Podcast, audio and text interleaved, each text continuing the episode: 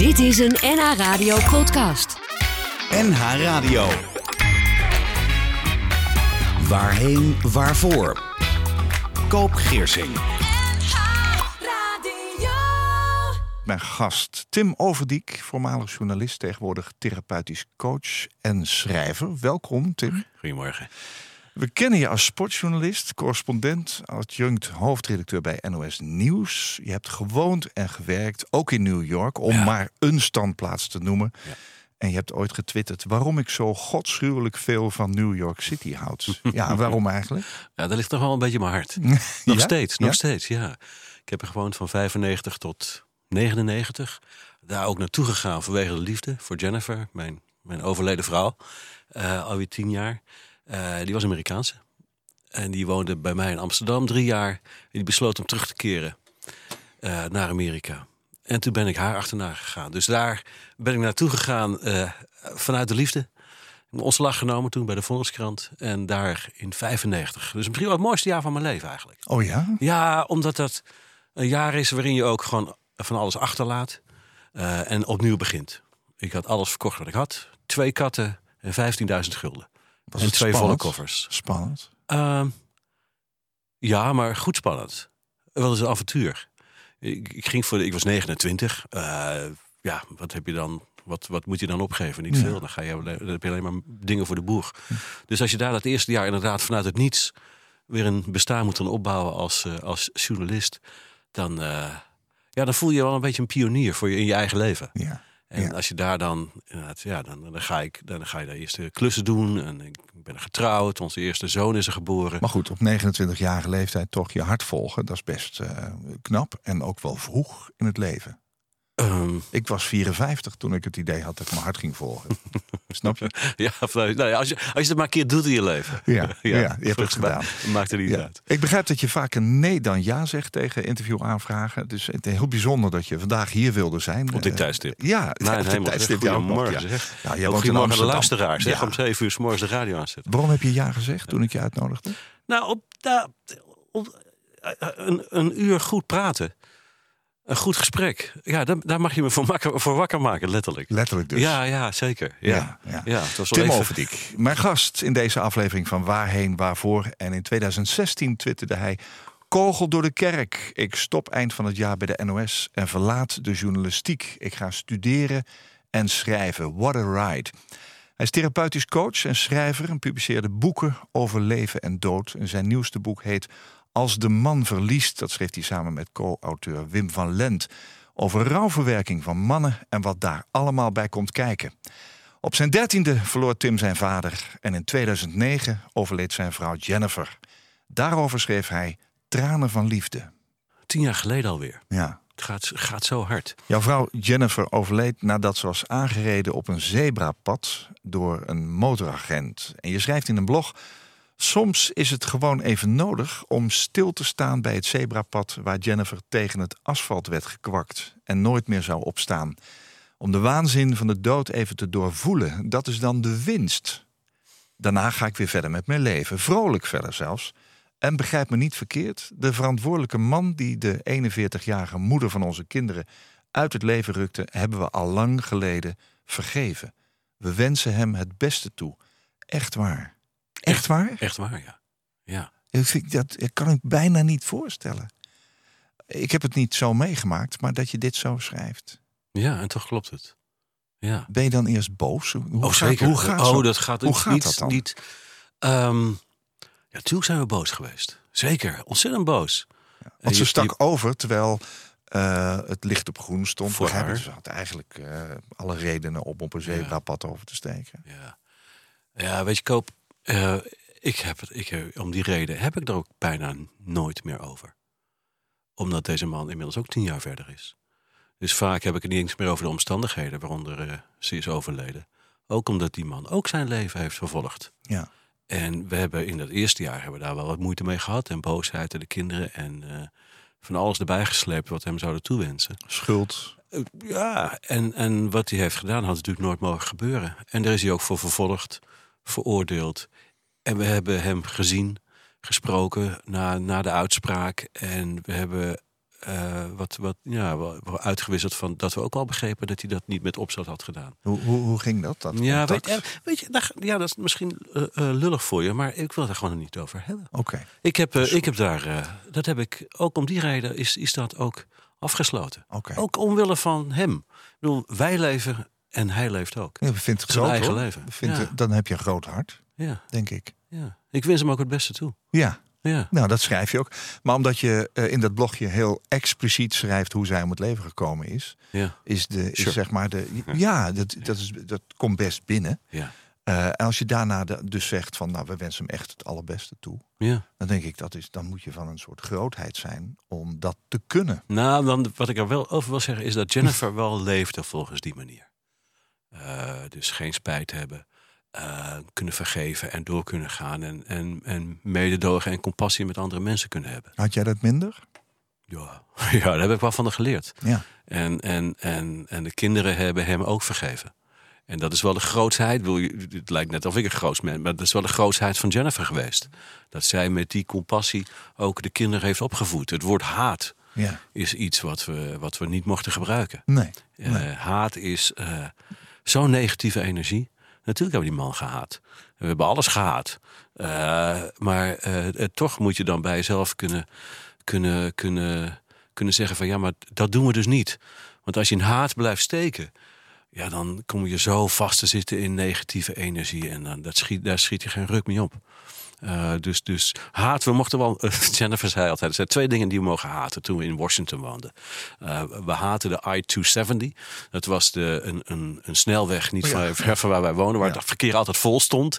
Dus als we daar weer vast konden staan: Oh, I hate the 270. Dat mocht dan wel. En muggen mochten we haten. Want muggen zijn wel heel vervelende insecten. Dus, dus die mochten we haten. Ja. Is maar het, eh, verder niet. Is het woord niks. heet in Amerika eh, vergelijkbaar met haten in Nederland? Ja, heet Vertaling? Ja. Haat, heet. Het is, een, eh, het, is, het is heel fel en negatief. Ja, en, Niet goed eh, dus. liever, liever niet. Nee, liever dat niet. heb je van haar geleerd dus. Ja, zeker. En de kinderen hebben het echt, echt nog heel mooi overgenomen. Ja, Ja. dat is fijn. Eh, Je noemt het eh, doorvoelen van de waanzin van de dood winst. Hmm, ja. En daarna ga je verder met je leven, vrolijk verder zelfs. Hoe, hoe kun je dat zo zeggen? Omdat je af en toe inderdaad even moet stilstaan bij, bij, bij, die, bij zo'n vreselijke gebeurtenis. En wat voor impact dat toch heeft gehad op ons leven. Ja. Dus, dus je, je kunt het niet wegstoppen. Je, kunt, je, mag, eh, je hoeft niet altijd daarbij stil te staan. Maar af en toe even wel. Heel bewust van wat is ons overkomen. Dat doe jij ook heel bewust. Ja, ja, ja. En niet alleen bij de dood van Jennifer, maar ook bijvoorbeeld bij, bij de sterfelijkheid van mezelf. En het besef dat het op een dag ophoudt. Eh, eh, alleen op die manier, vind ik voor mezelf, kun je ook vol leven.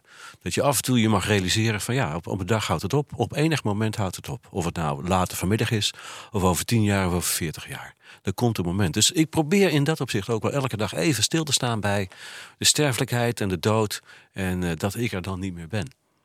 Waardoor je ook weer vrolijk verder kunt. Van nou, ik ben er nog, dus laten we er wat van maken.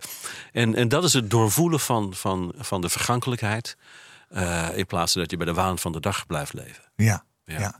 Je hebt een heel mooi boek geschreven samen met eh, Wim van Lent. Eh, hij zit al 30 jaar in, in zeg maar het begeleiden Ja. van met name mannen. Ja, als je het over en een gelouterde mannencoach hebt, dan is Wim van Lent inderdaad een ervaren man. Maar jij hebt het boek geschreven, zeg maar, met, met zijn input. Heb jij We hebben het samen gedaan. We hebben, ja, ja. Ehm, hoe kwam jij er bij jezelf achter? Het boek heet Als de man verliest. Dat verlies en rouw bij mannen anders werkt dan bij vrouwen. Eh, nou, eh, eh, puur alleen al door naar de, in de spiegel te kijken. En en me af te vragen van waarom heb ik in dat eerste jaar na de dood van Jennifer... waarom heb ik niet zo vaak om hulp gevraagd? Waarom heb ik het altijd in mijn eentje willen doen? Waarom wilde ik de beste weduwnaar zijn van het land? Van, die, van die stupide gedachtes waarvan je denkt van wat maak ik het mezelf toch moeilijk? Eh, pas later kwam ik erachter van oké, zo doen mannen dat dus. Mannetjesgedrag. Ja, ja. Stoer zijn misschien. En- En niet laten merken dat je... Ja, met, groot, met een grote glimlach kunnen zeggen: van nee, het gaat goed met ons. En, eh, en tegelijkertijd, terwijl ik dat zei, me realiserend van: het gaat helemaal niet goed met mij. Buitenkant. Buitenkant, buitenkant. En het isolement, de eenzaamheid in het niet weten en niet, niet kunnen oplossen, vooral. Eh, dat heb ik pas later begrepen dat dat ook wel een typisch mannelijk gedrag is. In dat eerste jaar had ik dat totaal niet in de gaten. Nee, nee. Ik, ik, ik begrijp dat enkele dagen na de dood van uh, Jennifer, hè, de, de, moeder dus van jouw zoon, fietste jullie oudste zoon naar school om zelf te vertellen aan zijn klasgenootjes wat er was gebeurd. En je schrijft: Mijn stoere knul gaf een heuse persconferentie ja. en beantwoordde allerlei vragen die leeftijdsgenootjes hadden. Ik stond erbij en keek ernaar, innerlijk verscheurd door de vraag: waarom, waarom? Hoe doen we dat toch? Is het de roes van adrenaline die ons voortstuwt in tijden van acute stress? Maken we onszelf wijs dat ons verleden geliefde dit gewild zou hebben? Ja, is het pure overleving? Hoe, hoe, hoe verklaar je dat bij mannen? Uh, nou, ik, ik, ik, denk dat dat voor zowel vrouwen als mannen geldt. Zeker zo kort na de dood van een geliefde. Dat je echt in een overlevingsstand schiet. En op adrenaline die eerste, die eerste dagen, die eerste weken, die eerste maanden kunt door. Of nee, vooral de eerste dagen kunt doorkomen. Adrenaline. Regelstand. Ja, ja. Ja, hoe doe je dat? Um, ja, dat daar heb ik geen antwoord op. Hoe doe je dat? Ik, het, het is... Uh, je, je moet op een of andere manier moet je in zo'n eerste week uh, van alles regelen. Uh, de uitvaart, de crematie, de, de familie. Dat is pure, een pure roes.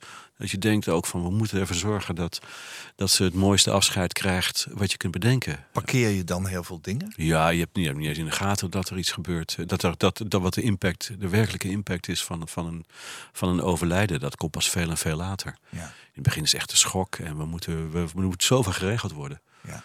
Uh, dat het niet eens tot je doordringt. Dat heeft best wel lang geduurd. En nog steeds, weet je, nog steeds heb ik tien jaar later nog wel zo'n moment dat ik denk van, oh shit, ja, ze is dood. Dat je in één keer realiseert van, ja, wat een, wat een, wat een, wat een mal, een malheid, gekte eigenlijk, een gekheid. Ja. Dat iemand gewoon dood is en weg is. Ja. Ja. Die thematiek zit heel erg in het boek ook. Hè? Ook um, het, het, parkeren van, van uh, gevoelens. Ja. Uh, er niet over praten. Uh, verder gaan, doorgaan met je leven. Vooral denken dat dat komt ooit wel een keer. Mm -hmm. En dan komt het niet. Dat, dat zit allemaal in dit mooie boek Als de man verliest. Dank je. Um, jij zei straks, ik, ik denk ook aan mijn eigen sterfelijkheid. Heb je je eigen uitvaart wel eens daarover nagedacht? Nee. Oké. nee. Ik heb dat je iets moet opschrijven. Ja, weet ik niet.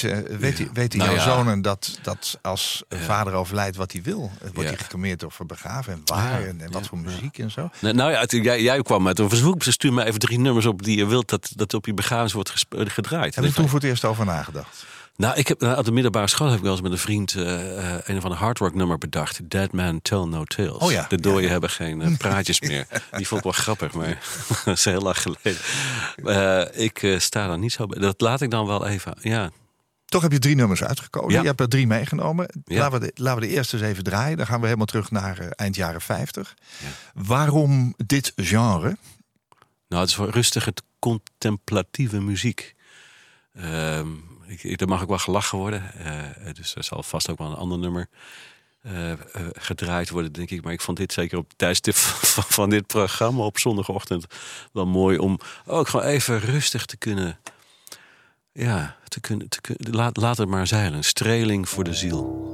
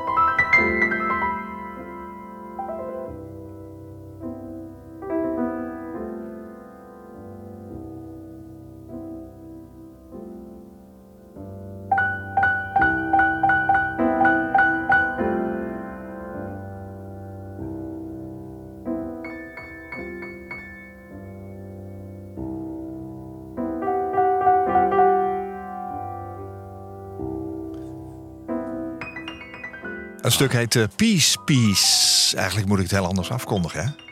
Peace, Peace. Ja, vredes, vredesstuk. Evans. Ah, prachtig. Weet je wat zo mooi is? Dit is, dit is gewoon een improvisatie geweest. Hij zat in een studio ergens in New York, volgens mij.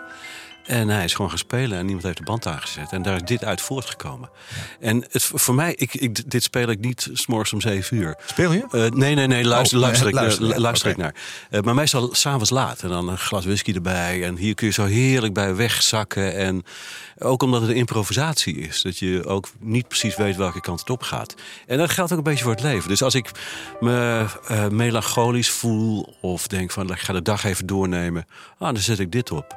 En dan kun je heerlijk, heerlijk bij wegzakken. En ja, het, het feit dat dit gewoon ontstaan is. Nou ja, dit, nou ja, zo is toch ook? Bill Evans eh, van het album Everybody Digs Bill Evans. Het is een Amerikaanse jazzpianist. Eh, ja, helpt muziek jou Ja, in wat je doet? eh, ja. Maar, maar ook in wat je beleeft? Ja, het, ehm, het, het geeft rust. Het maakt emoties los. Ja. Het zet je aan het denken. Het zet je op een andere spoor. Dus je kunt wel in je hoofd van alles gaan bedenken. Maar muziek raakt je toch vooral in de ziel meestal. Als het, Ja. een beetje fatsoenlijke muziek is. Ja, dit was het wel, hè? Ja, nou. Ja, heerlijk. Eh, het is een heel lang stuk, dus we zijn er een beetje overheen gaan praten. Maar het praten met jou is ook heel mooi. Tim Overdiek, vandaag mijn gast in Waarheen Waarvoor. Het boek Als de man verliest is door jou samen met Wim van Lente geschreven. Wim kwam met het idee om zijn 30 jaar lange ervaring als mannencoach in een boek op te schrijven. En jij was toen nog onbevangen therapeut, maar had wel 30 jaar ervaring als journalist. Dus die woorden moesten natuurlijk ook op papier terechtkomen. En aan je co-auteur Wim schrijf je, achter in het boek.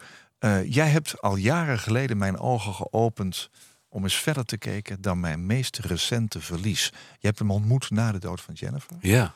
Eh, Ja. Hoe ging dat? ja, en ook dat was niet lang na de publicatie van mijn dagboek, Tranen van Liefde. Ja, sprak ik op een congres Echte mannen huilen niet. Dat was het thema. En ik vertelde daarover het verlies van Jennifer en hoe ik dat heb, in dat boek heb, heb opgeschreven en hoe ik dat heb ervaren. En daarna was hij aan de beurt en gaf haar een heel mooi exposé over hoe mannen omgaan met verlies. En ik zat te kijken en te luisteren. Van, nou isolement, eenzaamheid, niet praten, willen fixen. Al die thema's die we in Als de man verliest beschrijven. Dacht, hij zit- die man die zit gewoon, Wim zit gewoon mij diagnose te stellen. Dus, eh, en ik merkte van, oh wacht even, ik, met Wim moet ik eens even gaan praten. En Wim zei toen van, nee wel, je hebt het allemaal goed voor elkaar, is goed. Ik zeg, nou, ik heb volgens mij nog wel wat uit te zoeken. Dus toen heb ik een aantal gesprekken ook met hem gevoerd. Bij als cliënt, bij hem als therapeut. En toen kwam ook wel tot de ontdekking dat het meer is dan de dood van Jennifer. Waardoor ik de dingen doe die ik doe. En dat ik inderdaad veel verder moest teruggaan in mijn gezin van herkomst. Toen mijn vader op 55-jarige leeftijd overleed. Ik was toen 13. En de manier waarop ik toen omging met, met een overlijden en met de dood en met rouw. denk ik van, oh, oké. Dus de manier waarop ik het nu doe. En sommige dingen ook echt op een hele mannelijke manier doe. Dus gewoon niet. heb ik toen eigenlijk al geleerd. Eh, of niet geleerd. Want in die tijd rouwden we niet om de dood van mijn vader. Het leven ging door en mijn vader ging naar de hemel en dat was dat.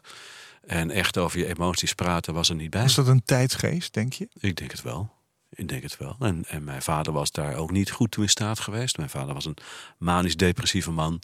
Met nogal wat trauma's in zijn leven. Ja. Waardoor het best lastig was over emoties te praten. Dus als je het niet leert van je vader, ga je zelf ook niet echt ontwikkelen. Nee, nee. Hij heeft je de ogen geopend, zei je. Wat was die opening? Was dat met name het op zoek gaan naar die rouw die je blijkbaar nooit eh, ja, geuit hebt? Of waar je nooit mee bezig bent geweest? Die Nou, ik zou zelf gestolde rouw noemt of uitgestelde ja, rouw? nou, nou weet je, ik, ik, heb, ik heb best wel mijn emo- emoties geuit na de dood van Jennifer.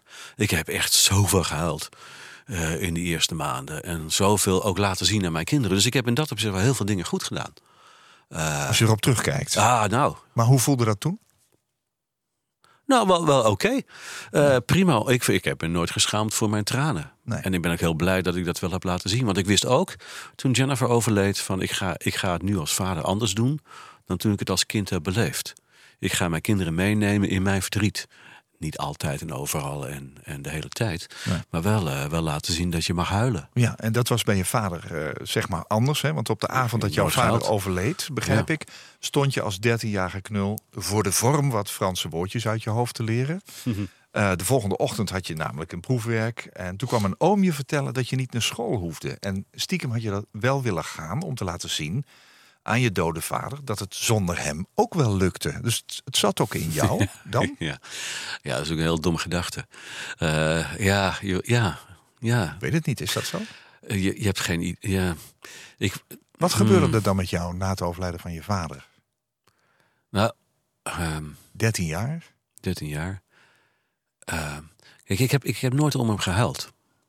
Dat is eigenlijk wat me vooral bijstaat. Ehm, ik voelde zelfs een, zelfs een klein beetje opluchting. Dat hij er niet meer was. Het Best, het, het- het- in, in sommige opzichten was het best een onredelijke man. Maar dat, was, dat kwam door zijn ziekte. Manisch depressief. Dan had hij af en toe van die buien. Dat ik denk van jeetje, wat moet ik hiermee? Het voelt niet helemaal veilig. En dat zijn grote woorden. Want ik had gisteravond een, een etentje met, mijn, met, mijn, met drie van mijn vier broers. En dan hebben we het altijd over onze vader. En er komen altijd wel mooie anekdotes op tafel. Van de leuke dingen die we ook met hem deden. Want het was ook een hele leuke man. Ehm, maar ik heb nooit om zijn dood gehuild. En nog steeds niet. Maar ik heb hem wel de afgelopen jaren weer leren kennen als een man die ook maar deed wat hij kon. Met al zijn mankementen. Zoals wij, jij en ik ook allemaal mankementen hebben als, als man. Dat we sommige dingen niet kunnen. En niet geleerd hebben. Zoals mijn vader ook van zijn vader dingen niet heeft geleerd. En dat is ook precies wat we in Als de man verliest proberen uit te, uit te leggen. Van ja, je vader en je moeder, nemen die ook maar even, even mee in dit gesprek. Die, die doen ook maar de dingen die ze kunnen. En veel dingen hebben ze niet geleerd. Dus ja, mijn enige mildheid naar mijn vader heb ik wel ontwikkeld. Ja. Ja. Ja, later daar leer pas? ik. Daar, ja, zeker. af- Misschien, ik heb ben pas de afgelopen vier, vijf jaar met mijn vader weer echt gaan opzoeken. Ook in het kader van mijn, mijn werk als therapeutisch coach. Hoe, ik met, hoe heb je dat gedaan? Ehm, door te praten met mijn moeder. Hoe was dat dan in die tijd? Door met mijn broers het gesprek aan te gaan. Wat zijn jouw herinneringen aan onze vader? Heb jij dezelfde herinneringen? Eh, Er zijn vijf jongens. En die hebben allemaal hun eigen waarheid over hoe, de hoe hun vader, onze vader, eh, iets voor hen heeft betekend. Ja. En dat kleurt natuurlijk heel erg de emotie die erbij hoort. Ik kan wel een bepaalde emotie hebben naar mijn vader, maar bij mijn broers leeft dat weer heel anders. Ja, ja. Was dat, was dat opzienbarend, eh, ontluisterend? Was het verhelderend? En verhelderend vooral. Ja. Het maakte het beeld voor jou compleet. Ja, nou, de, de, de, man had vele kanten. Het, en het is toch dezelfde man. Ja. En eh, gemeenschappelijke vader, dus het is wel heel, heel verhelderend dat, je, dat, je, dat, je, dat, dat ik ook mijn eigen liefde voor mijn vader mag hebben. En Ben je, mijn meer, eigen, ben je meer van hem gaan houden ook daardoor? ik heb wel veel meer mildheid ontwikkeld naar hem. Ik denk van, ach man, wat had je een zwaar leven. Ja, dat wel. Is begrip gekomen. Zeker. En Ja. compassie. Je zei net, eh, ik- had me voorgenomen eh, na de dood van Jennifer om een, een andere vader te zijn. Wat, wat heb je veranderd bij jezelf? Je zei, eh, kijk, ik, ging mijn zoons meenemen in dingen. Hoe heb je dat in de praktijk gedaan? Ehm, door er te zijn. Door er te zijn, door eh, er niet bovenop te zitten. Twee jongens met een eigen karakter. Oh ja? Ja, ja zijn ze zeker. verschillend? Zo. Zo, de oudste, dat die, de ze. oudste die, die lijkt heel erg op mij. En de jongste lijkt heel erg op zijn moeder. Oké, Ja. Eh, dus, dus dit zijn twee heel andere jongens. ja. Ja, die toen 9 en 12 waren, toen Jennifer overleed. Ze zijn nu 19 en 22. Er zijn nu twee volwassen mannen. Eh, en dat is wel heel mooi om te zien. ja. Ja, ja. Ze dragen de achternaam van Jennifer. ja goed hè? Dat vond ik fantastisch. Ja, ja. ja. Ja toen, toen, toen de oudste werd geboren, woonden we in New York. En eh, mijn achternaam, Overdiek, werd in Amerika, nou ja... eh, Overdijk? Of, Over eh, Diek, over Dip, over Dijk, over Diem. eh, nooit goed geschreven. Nee. Dus wij dachten toen, wat gaan we doen? Gaan we die jongen opzadelen met een achternaam die in Amerika zou worden verbasterd? Nou, laten we dat maar niet doen. En waarom moet dan ook automatisch een kind de, de naam krijgen van de vader? Waarom niet van de moeder? Ja. Het was het eerste kleinkind eh, aan de kant van Jennifer, Nolan, Nolan. En toen dacht ik van, nou, waarom ook niet? Een beetje een feministisch statementje. Ehm, en eh, waarom ook niet? En ja, nu, nu vind ik het natuurlijk wel heel bijzonder. Nu het is nog veel mooier eigenlijk. ja, dat, Ja. Dat, dat, dat haar naam natuurlijk gewoon voortleeft Ja, ook. prachtig, prachtig. Ja. Eh, eh, Van de drie nummers waarvan ik je vroeg ze mee te nemen om eens na te denken over de muziek op je eigen uitvaart, eh, is het stuk wat we nu gaan draaien door één van hen gespeeld. Mhm. Leg eens uit. Mhm. Nou, Sander, de oudste, is een begenadigd jazzpianist. Ja. Hij heeft tijdens de middelbare school ook zes jaar op het conservatorium hier in Amsterdam gezeten. Junior Jazz College. Eh, als, als, als een jong talentenprogramma. Dat heeft hij zes jaar gedaan. En heeft hij prachtig leren spelen. Ja. En, zijn, eh, en zijn vriendin ontmoet, Noël. Noël van ja, de Wiel. Ja, ja, Noël van de Wiel en Sander Nolan. Die, hebben, die zijn samen een duo. Die spelen ook, eh, ook in weekenden en avonden op feesten en partijen. en echt heel erg mooi. At last.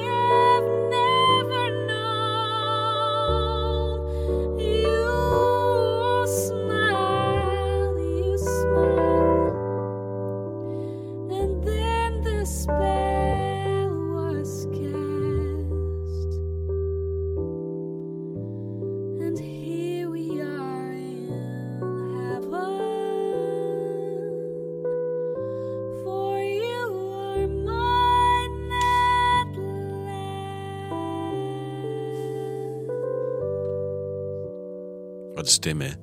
Wauw, het- het- dat je zo'n vriendin ontmoet en, en zelf al in die muziek zit en dan samen dit kan doen, dat is toch waanzinnig. At Last heet het. Uitgevoerd door zo'n Sander Nolan en zijn vriendin Noel, van de Wiel, laat ik het goed zeggen. Ik ga het meteen in het Amerikaans proberen. Eh, en, met die prachtige achternaam ehm, ja, blijft Jennifer, jouw vrouw, jouw overleden vrouw tien jaar geleden, natuurlijk mooi voortleven. Nolan en jouw andere zoon die heet... Eamon. Eamon James Nolan. Ja, prachtig. Mooi, hè? Ja, Ja. ja. Eamon eh, is dan begrijp ik eh, iets van Iers afkomst. Ja, Nolan, nou, Nolan is een Ierse naam. Eh, de Nolan Sisters. eh, Ja. I'm in the mood for dancing. You bet. Ja. Oké, dat is hem dus. Ehm, Tim Overdiek vandaag mijn gast. En eh, dat prachtige boek ligt hier voor me als de man verliest. Ik zeg het omdat het, boek mij ook eh, nodig heeft opgeleverd. Ja, vertel. Ik, ik, nou, ik dacht zelf als ehm, uitvaartondernemer, eh, dit- ik maak vaak rouw en verdriet mee. Maar de, de rode draad erin en met name het, het teruggaan misschien wel in je verleden... waar je eh, geen rouw beleefd hebt. Dat wat jij met je vader gehad hebt, herken ik persoonlijk. Ja, hoezo? Eh, nou, omdat ik ook eigenlijk niet heb gehuild om de dood van mijn vader. Hmm. Ehm, en dat is, dat is best bijzonder. En ik wil daar ook naar op zoek gaan. Dus je hebt me wel op een pad gezet. Je hebt het samengeschreven met Wim van Lent. Ehm, over de typische manieren waarop mannen anders met verlies omgaan dan vrouwen. En in de opbouw van het boek spreek je tien bekende Nederlandse mannen over hun eh, ja, verliesverhaal. En verlies is natuurlijk niet alleen dood. Nee. Er kan ook een liefde zijn die je verlaat heeft, zo- zoals eh eh, Douwe Bob schrijft. Maar het kan natuurlijk ook gaan om een heftig verlies zakelijk. Ja. Hè, een faillissement, zoals de Falco Zandstra, de, de schaatser. Ja, je bent natuurlijk ook sportjournalist. Hè? Je hebt Mhm. ooit een boek geschreven over die basketballen was het Rick toch? Die, hele lange... Rick Smits, Dunking Dutchman. Ja, ja, ja, ja, Ja. inderdaad. Eh, ik ben zelf niet zo van de sport. Dat zal ik meteen maar aan de voorkant eh, toegeven. Zodat je geen vragen kunt stellen waar je mij mee op de proef stelt. Wat hebben die gesprekken met die tien mannen jou persoonlijk opgeleverd? Ehm, ehm, dat, dat elke man zijn eigen manier heeft van omgaan met tegenslag. Want het kan gaan om verlies van liefde, inderdaad. Al die dingen die je noemt. En gezondheid bijvoorbeeld ook. Eh, en dat, we zijn in die gesprekken heel nadrukkelijk op zoek gegaan van wat heb, je- wat heb je van je eigen vader geleerd hierin? Hoe is die band met je vader? En hoe geef je dat ook weer door aan jouw kinderen? Eh, en dan merk je inderdaad dat mannen ehm, best bereid zijn om over hun verlies te praten. En best bereid zijn om emoties te tonen. Maar niet aan iedereen. En niet altijd. En ook niet als een, als een vrouw of een partner aan de arm loopt te trekken van vertel eens wat er in je omgaat. Oh ja. Wat is nou, wat is nou die emoties? Laat die emoties eens zien. Ja. Nou, de man bepaalt dat zelf wel. Ja. En, en dat is een gemeenschappelijke factor. Er Daarin. is iets ergs gebeurd, eh, je wordt opgehaald, je zit in de auto en er wordt niet over gesproken. Ja. ja, en als je dan toch de veiligheid hebt met een andere man of met je vrouw, bijvoorbeeld met, met, met de partner, dat je toch, toch je veilig genoeg voelt om af en toe aan te geven van ja, wacht even, ik weet het ook niet. Mannen vinden het best wel lastig, en ik scheer, ze voor het gemak maar even over één kam, om aan te geven dat ze het even niet weten. Daar zijn vrouwen veel beter in. Vrouwen zijn veel beter in staat om emoties te delen, geven er woorden aan, die kunnen ook makkelijker om hulp vragen, die gaan bij elkaar zitten. En mannen die hebben daar toch wel een duwtje bij nodig. Maar ga niet aan ze trekken, want dan gaan ze dicht. Dan Kun je gaat dat- het luikje dicht en dan Kun je dat zo'n beetje in het algemeen stellen? Nou, ja, is dat wat je ervaring is? Dat is wel mijn ervaring in mijn praktijk. Waar ik veel van die mannen zie, die dan ook pas bij mij eh, aangeven hoe moeilijk ze het werkelijk hebben. Ja, ik, ik- lees, eh, eh, jouw praktijk ehm, zit hier in Amsterdam. Ja. Jij ontvangt mensen thuis. Zijn- Er zijn vrouwen en er zijn ook mannen die bij jou komen. Je hebt het heel druk, heb ik ook begrepen. Ja. Dat is fijn voor je en ook fijn voor die mensen die bij jou komen, denk ik. Ehm, als er een man binnenkomt, leg je de zakdoekjes wat verder weg. dat vind ik een mooi sym- symbool. Doe je dat bewust, echt? hè? Doe je dat echt? Eh, bewust, ja. Voor, de, voor vrouwen zetten ze klaar. Op de vensterbank. Want ja, dan weet ik, dan, ja, daar- na vijf minuten meestal eh, gebeurt er wel wat. eh, qua tranen. Maar als een man die zakdoekjes ziet staan... en ik heb het letterlijk meegemaakt dat een man zegt... wat, moet ik hier gaan huilen? Ik dacht het niet. Dus ik zet ze dan weg, ver weg neer. Ja. En diezelfde man, die na drie sessies, eh, zei hij van... eh, toen brak hij. Zei, oh, geef maar eens even wat van die snuifdingen die je daar hebt staan. De zakdoekjes. Er blijft Dus een dat soort is een- schil het, dan. het, is, het voelt een beetje aan als een cliché verschil, maar zo is het wel. En eh, dus als een man breekt en mannen breken en dat is helemaal oké, ja, dan loop ik heel op mijn gemakje naar het hoekje waar die zakdoekjes heb staan. Zeg, nou, hier is hij dan. Ja, En dat betekent ook niet dat ze er gebruik van maken, maar het mag allemaal wel. ja, ja. Ja, Eh, Hoe heb je die gesprekken gevoerd? Heb je ze opgenomen en later uitgewerkt? ja we zijn gewoon eh, twee, drie uur met, eh, met zo iemand gaan praten, Ja. opgenomen en op ons gemak is heb je samen gedaan. Ja, ja, dat vind ik. Ja. Een van die tien eh, mensen, bekende Nederlanders zou je kunnen zeggen, ehm, vertelt het verhaal over het verlies, verlies van zijn zoon na een zwemongeluk. Hmm. Eh, in Spanje gebeurd. Ehm, het, het, het, het erge eraan is, vind ik zelf, dat die zijn zoon nooit meer teruggekregen Ja, heeft. hij is nooit Dus, gevonden. dus eh, hij is verdronken. En dat, dat, ja, dat krijg je dan ooit een keer te horen. Hij gaat naar dat strand, staat daar en heeft dan het gevoel... ik ga zelf het water in, want ik ga wel naar hem toe. ja. Ik vond het een heel heftig, heftig verhaal. En toch kreeg ik er ook weer hoop uit... omdat hij ook het leven weer opgepakt heeft. Ja. Hoe heb jij dat eh, eh, verhaal ervaren? Want ehm, iemand dus niet meer terugzien... Ja. dan neem je nog een dimensie weg. Ja, en de dimensie is dat je je kind verliest. Ik, het, het, het is een vreselijke tragedie. En dat, dan, dat hij dan toch in staat is om te zeggen van ik, ik voel dat ik naar hem toe moet. Dus je staat even op het moment van leven en dood. Waar kies ik voor? En dan toch beseffen van nee, ik, dat, dat, daar doe ik hem geen recht mee, mijn overleden kind. Het leven niet en vooral mezelf niet. Nee. Dus dat je er dan toch voor kiest van nee, ik, ik stap terug. En ik ga het leven omarmen. Niet alsof het dan meteen voor elkaar komt. Want het vereist wel nog een hele lange weg die je moet gaan. Om weer vol te kunnen zeggen: ik hou van het leven. En ik geef betekenis aan de dood van mijn zoon. Eh, nou, als je, als, je dat, als je daar in alle rouwstadia, alle, alle rouwtaken af, afgaat. En het werk daarvoor doet. Om, door het ook gewoon soms niet te weten. Om boos te zijn. Eh, om, om op zoek te gaan naar, maar wat heeft het mij opgeleverd? Nou ja, als je daartoe in staat bent, in plaats van dat je het wegdrukt. Kijk, de grote fout, en dat geldt voor mannen als vrouwen, is dat je na de dood de pijn wegdrukt. Ja, dat kun je lang doen. Dat kun je lang doen. Maar op een gegeven moment komt het, eh, komt het hart weer terug in je gezicht. Dus ik, ik neem mannen en vrouwen in mijn praktijk ook mee van ja, die pijn. eh, ik begrijp dat je er liever niet naartoe wil. Maar we gaan er toch even langs. Je moet het voelen, je moet het doorleven. Alleen op die manier kun je ook voelen dat iets pijn er ook mag zijn.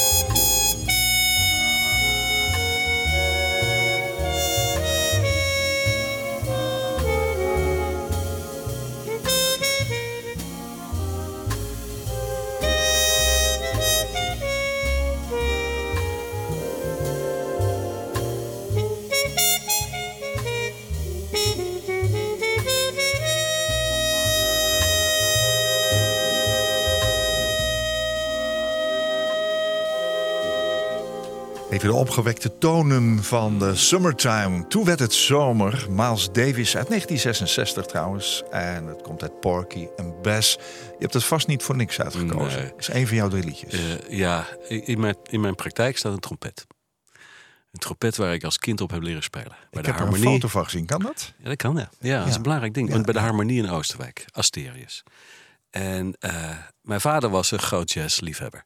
Die nam altijd mee naar. Daar hebben we hem. Daar komt hij aan. Ja. Ja, ja. En, en, hij, en hij heeft eh, zelf ook trompet leren spelen. Ik had muziekles op de muziekschool. En hij heeft zelf zichzelf leren spelen. Hij kon er geen bal van. Hij is, eh, maakte dat echt hard toeteren. Dus het klonk niet heel erg mooi. Maar die trompet die hebben we nog steeds. Helemaal gedeukt. Die, daar kun je ook niet meer op spelen. Maar ik heb hem nog steeds omdat ik die wel eens aan mannen laat zien in mijn praktijk. Van kijk, deze trompet, hey, daar heeft het speeksel van mijn vader ook doorheen gelopen. Klinkt allemaal heel groot, eh, zo is het natuurlijk niet. Maar het is wel een band die ik nog met terugwerkende kracht kan koesteren. Want dat zijn de dingen die we samen hadden. En eh, die liefde voor die jazz, die, ja, ik, eh, die, die zie ik nu ook in mijn kinderen. Je hebt net Sander gehoord op de piano. Ja. En, en Eamon, de jongste, die houdt ook van jazz. Die, die luistert ook naar Bill Evans en Johnny C., Johnny Coltrane. Ehm, dus dat, dat, is, dat is de link van mijn vader naar mij, naar mijn kinderen. Ja. Ja, en, en, en, en ik kreeg van de kinderen eh, vijf lessen cadeau vorig jaar om eens een keer fatsoenlijk Summertime te leren spelen. Kun je het inmiddels? nee, Summertime is het moeilijkste nummer. Dat, dat leer je nooit goed spelen. En ik zeker niet. Want ik heb een nieuwe trompet en daar speel ik heel graag op. ja. Ja. Nou, eh, Miles Davis kon het wel, Zo. zeggen. Hè? Met, dat, met, die, met die strakke lipjes. Ja. Ehm, het boek heet Als de man verliest. Hoe, hoe steekt een man in elkaar, Tim? Poeh, Dat weet je nu inmiddels wel. hoe steekt een man in elkaar? Emotioneel. Ehm, heel veel mannen zijn wel in staat om hun emoties te delen. Als ze het geleerd hebben, als ze het kunnen delen, als ze kunnen laten zien, is het helemaal goed. Als je als kind de veilige bedding hebt gehad van je vader en ook je moeder om eh, te kunnen vertellen van oké, wat, wat is er aan de hand aan die binnenkant, dan komt dat goed. Maar ook heel veel mannen hebben dat nooit geleerd. Dus veel mannen die, die, die kiezen ervoor om niet werkelijk te vertellen wat er in hun omgaat. Eh, Kunnen er niet tegen als ze de controle verliezen, willen het fixen als het fout gaat. En die willen ook competitief laten zien dat ze dat goed kunnen. Nou, dat is even heel kort door de bocht wie de man is. Eh, En er zijn natuurlijk ook vrouwen die nu luisteren die zeggen van wacht even, maar ik heb dat ook. Dat klopt ook. Veel vrouwen hebben ook van die mannelijke eigenschappen, zoals veel mannen ook vrouwelijke eigenschappen hebben. Dus, Ja. dus de man bestaat niet, maar ik merk wel dat er een hele grote overeenkomst bestaat door het niet kunnen delen van je isolement en je eenzaamheid. Ja, ja, ja. Je, je, je geeft regelmatig lezingen en in een blog beschrijf je zo'n bijeenkomst. Vier mannen, 17 vrouwen. Wie van jullie is hier vrijwillig, vraag ik aan de mannen. Ik ben meegesleurd, grijnst er eentje. De toon is gezet voor een gezellige zondagsbabbel over leven en dood. En gelukkig zitten er nu steeds meer mannen in de zaal... tussen de vrouwen die zo graag willen weten... hoe zo'n man nu eigenlijk in elkaar steekt. Ja, zo is het inderdaad. Verandert dat? Ja, gelukkig wel. De, ik, ik geef de komende maanden ook weer veel lezingen. En elke keer zie je... En ik was voor, twee weken geleden op een lezing... eh, voor het eerst evenveel mannen als vrouwen. Nou, dat vind ik een overwinning. Voor de man. Komt door je boek. Ja, natuurlijk. Maar, maar dat is ook mooi, toch? En dat, dat ze dan daar wel zich veilig genoeg voelen om dingen te delen. Ja, wat doe je in zo'n lezing? Interactief met elkaar omgaan. Ik lees voor uit het boek. Ik geef er wat psycho-educatie bij. Eh, uitleggen waarom dat isolement zo lastig is. En waarom mannen ook vaker zelfmoord plegen dan vrouwen. Want dat Eh, is zo. Dat is zo, ja, helaas wel. Eh, vrouwen doen vaker een poging, maar mannen, als ze het doen, dan doen ze het goed. Eh, dat is heel tragisch. Die, die schuiven op in die eenzaamheid en die durven geen hulp te vragen. En dan komen ze uiteindelijk op een punt terecht dat ze het echt niet meer weten Ja. en niet meer willen. Heel tragisch is dat. Dus ik probeer ook in die gesprekken, bij die lezingen ook, ook die mannen uit te nodigen om, om iets te delen. Ja. En, want mannen en vrouwen moeten het wel samen doen. Ja. Ja, wa- waarom vinden de meeste mannen het zo moeilijk? Is dat toch die, dat verleden niet geleerd hebben? Ja, niet geleerd. En, en, en, en, en zich niet op hun gemak voelen ook soms bij de vrouw. Nee. Als de vrouw echt gaat trekken van vertel nou wat er gebeurt, ja, dan sla je dicht. Ja. Ja. ja. Ehm, als iemand bijvoorbeeld overlijdt, dan wil je als buitenstaander zo graag iets doen. En je wil zo graag, dat heb jij natuurlijk ook meegemaakt. Ja. Je vrouw is overleden, dat is nogal dichtbij. Ja. Een jonge leeftijd, tragisch voorval ook natuurlijk. Ja. En dan, dan komen de buitenstaanders op je af, die willen wat zeggen. Goed bedoeld vaak, maar soms Mhm. komt het bij de betrokkenen natuurlijk ook volslagen verkeerd binnen. En vooral bij mannen misschien wel. Ehm, Nou, Zij- bij vrouwen ook hoor. Het zijn, is- er, zijn er tips om het, om het wel goed te doen? Ja, het is- mensen zeggen vaak vanuit de beste intenties de meest verschrikkelijke dingen. Ja. Van, eh, nou, eh, in ieder geval heb je nog je kinderen. Oh ja. Eh, of, of als er een kind is overleden, van nou, je hebt er nog, nog, je hebt nog twee andere kinderen. En nou ja, je vindt vast wel weer een leuke vrouw. En, en dat gaat helemaal voorbij aan gewoon de acute pijn en het verlies. Daar draait het om. Dus kun je, allemaal, ging- je moet niet gaan invullen voor een ander hoe de ander zich voelt. Eh, wees er nou maar gewoon voor die persoon. En loop maar een stukje met die persoon mee. En ga maar even onaangekondigd een pot eten brengen, een pan eten. Eh, en wees er. En weet ook dat, dat mensen die een geliefde verliezen, en dit geldt voor zowel mannen als vrouwen, ja, die, die, die, die hebben eigenlijk niet meer nodig dan iemand die gewoon even er voor, voor ze is. Eh, en vooral niet gaan invullen. Nee. En als man had ik het de neiging van ik heb niemand nodig. Ja, dat is natuurlijk heel dom. Ik zeg altijd tegen mannen als ze bij mij in de praktijk komen van nou, eh, hoe is het geregeld? Eh, wordt er voor je gekookt? Wordt, vraag je om hulp? Want ik heb dat niet gedaan. Dat had ik best wel beter kunnen doen. Dus in dat opzicht is het heel prettig om, om hulp. Er is ook geen opleiding voor, hè, voor dat soort Nee. situaties natuurlijk. Nee, ik denk vaak, als je het zelf hebt meegemaakt, dat je werkelijk weet wat je nodig hebt. Ja. Terwijl ik me af en toe erop betrap dat ik soms ook de meest domme dingen zeg tegen iemand die dan iemand heeft verloren. Ja, joh. Dan ga je toch ook, want je, bent, je, wil, je wil de pijn wegnemen van Dat mensen. is het, hè? Dat is wat je wil. Ja. Ik wil niet, ik, wil, ik zie de tranen in je ogen. Ik wil niet dat je huilt en ik, ik ga het voor je oplossen. Nee, dat moet je niet doen. Laat het maar gebeuren. Laat het maar zijn. Laat het ook maar even stilvallen. Zeker. Ja. Ja. Ehm, zou je kunnen zeggen dat, dat eh, rouw het centrale thema in dit boek is? Hoop is het centrale thema in dit boek. Er is hoop. Ja, absoluut. Het is een vrolijk boek. Waarin de meest. Nou, eh, het is een vrolijk boek zeg. Hou eens op. ja, dat vind ik wel. Het gaat nogal over Het dingen. gaat over verlies in alle vormen van, die je kunt bedenken. Maar het is ook een hoopgevend boek, omdat we in dit boek al die verhalen delen. En alles is bespreekbaar. Alles mag, alles is oké. Maar dat is toch rouw? Ja, zeker. En daarom is toch zit niet alleen eh, verdrietig? Precies. En daarom zeg ik ook, er zit ook hoop en vrolijkheid in. Ja. Want eh, de dood is kloten. Maar ja, zonder de dood, als je de dood ontkent, dan ontken je het leven. Dus eh, laat het maar komen. Het hoort erbij. Mijn gast in deze aflevering van Waarheen Waarvoor was Tim Overdiek, voormalig journalist, tegenwoordig therapeutisch coach en schrijver. Hij publiceerde boeken over leven en dood en zijn nieuwste boek heet Als de man verliest. Hij schreef het met co-auteur Wim van Lent. Over rouwverwerking en hoop van mannen en voor mannen en wat daar allemaal bij komt kijken. Ik vond het hartstikke fijn dat je hier was. Wat een prachtig gesprek. Dank je wel. Jij ook. Koop Geersing. Radio. Als jij een keer te gast wilt zijn in Waarheen Waarvoor om te vertellen over jouw levensreis, laat me dat dan weten via waarheenwaarvoor.nhradio.nl. Waarheenwaarvoor.nhradio.nl. Dit was een NH Radio podcast. Voor meer, ga naar nhradio.nl.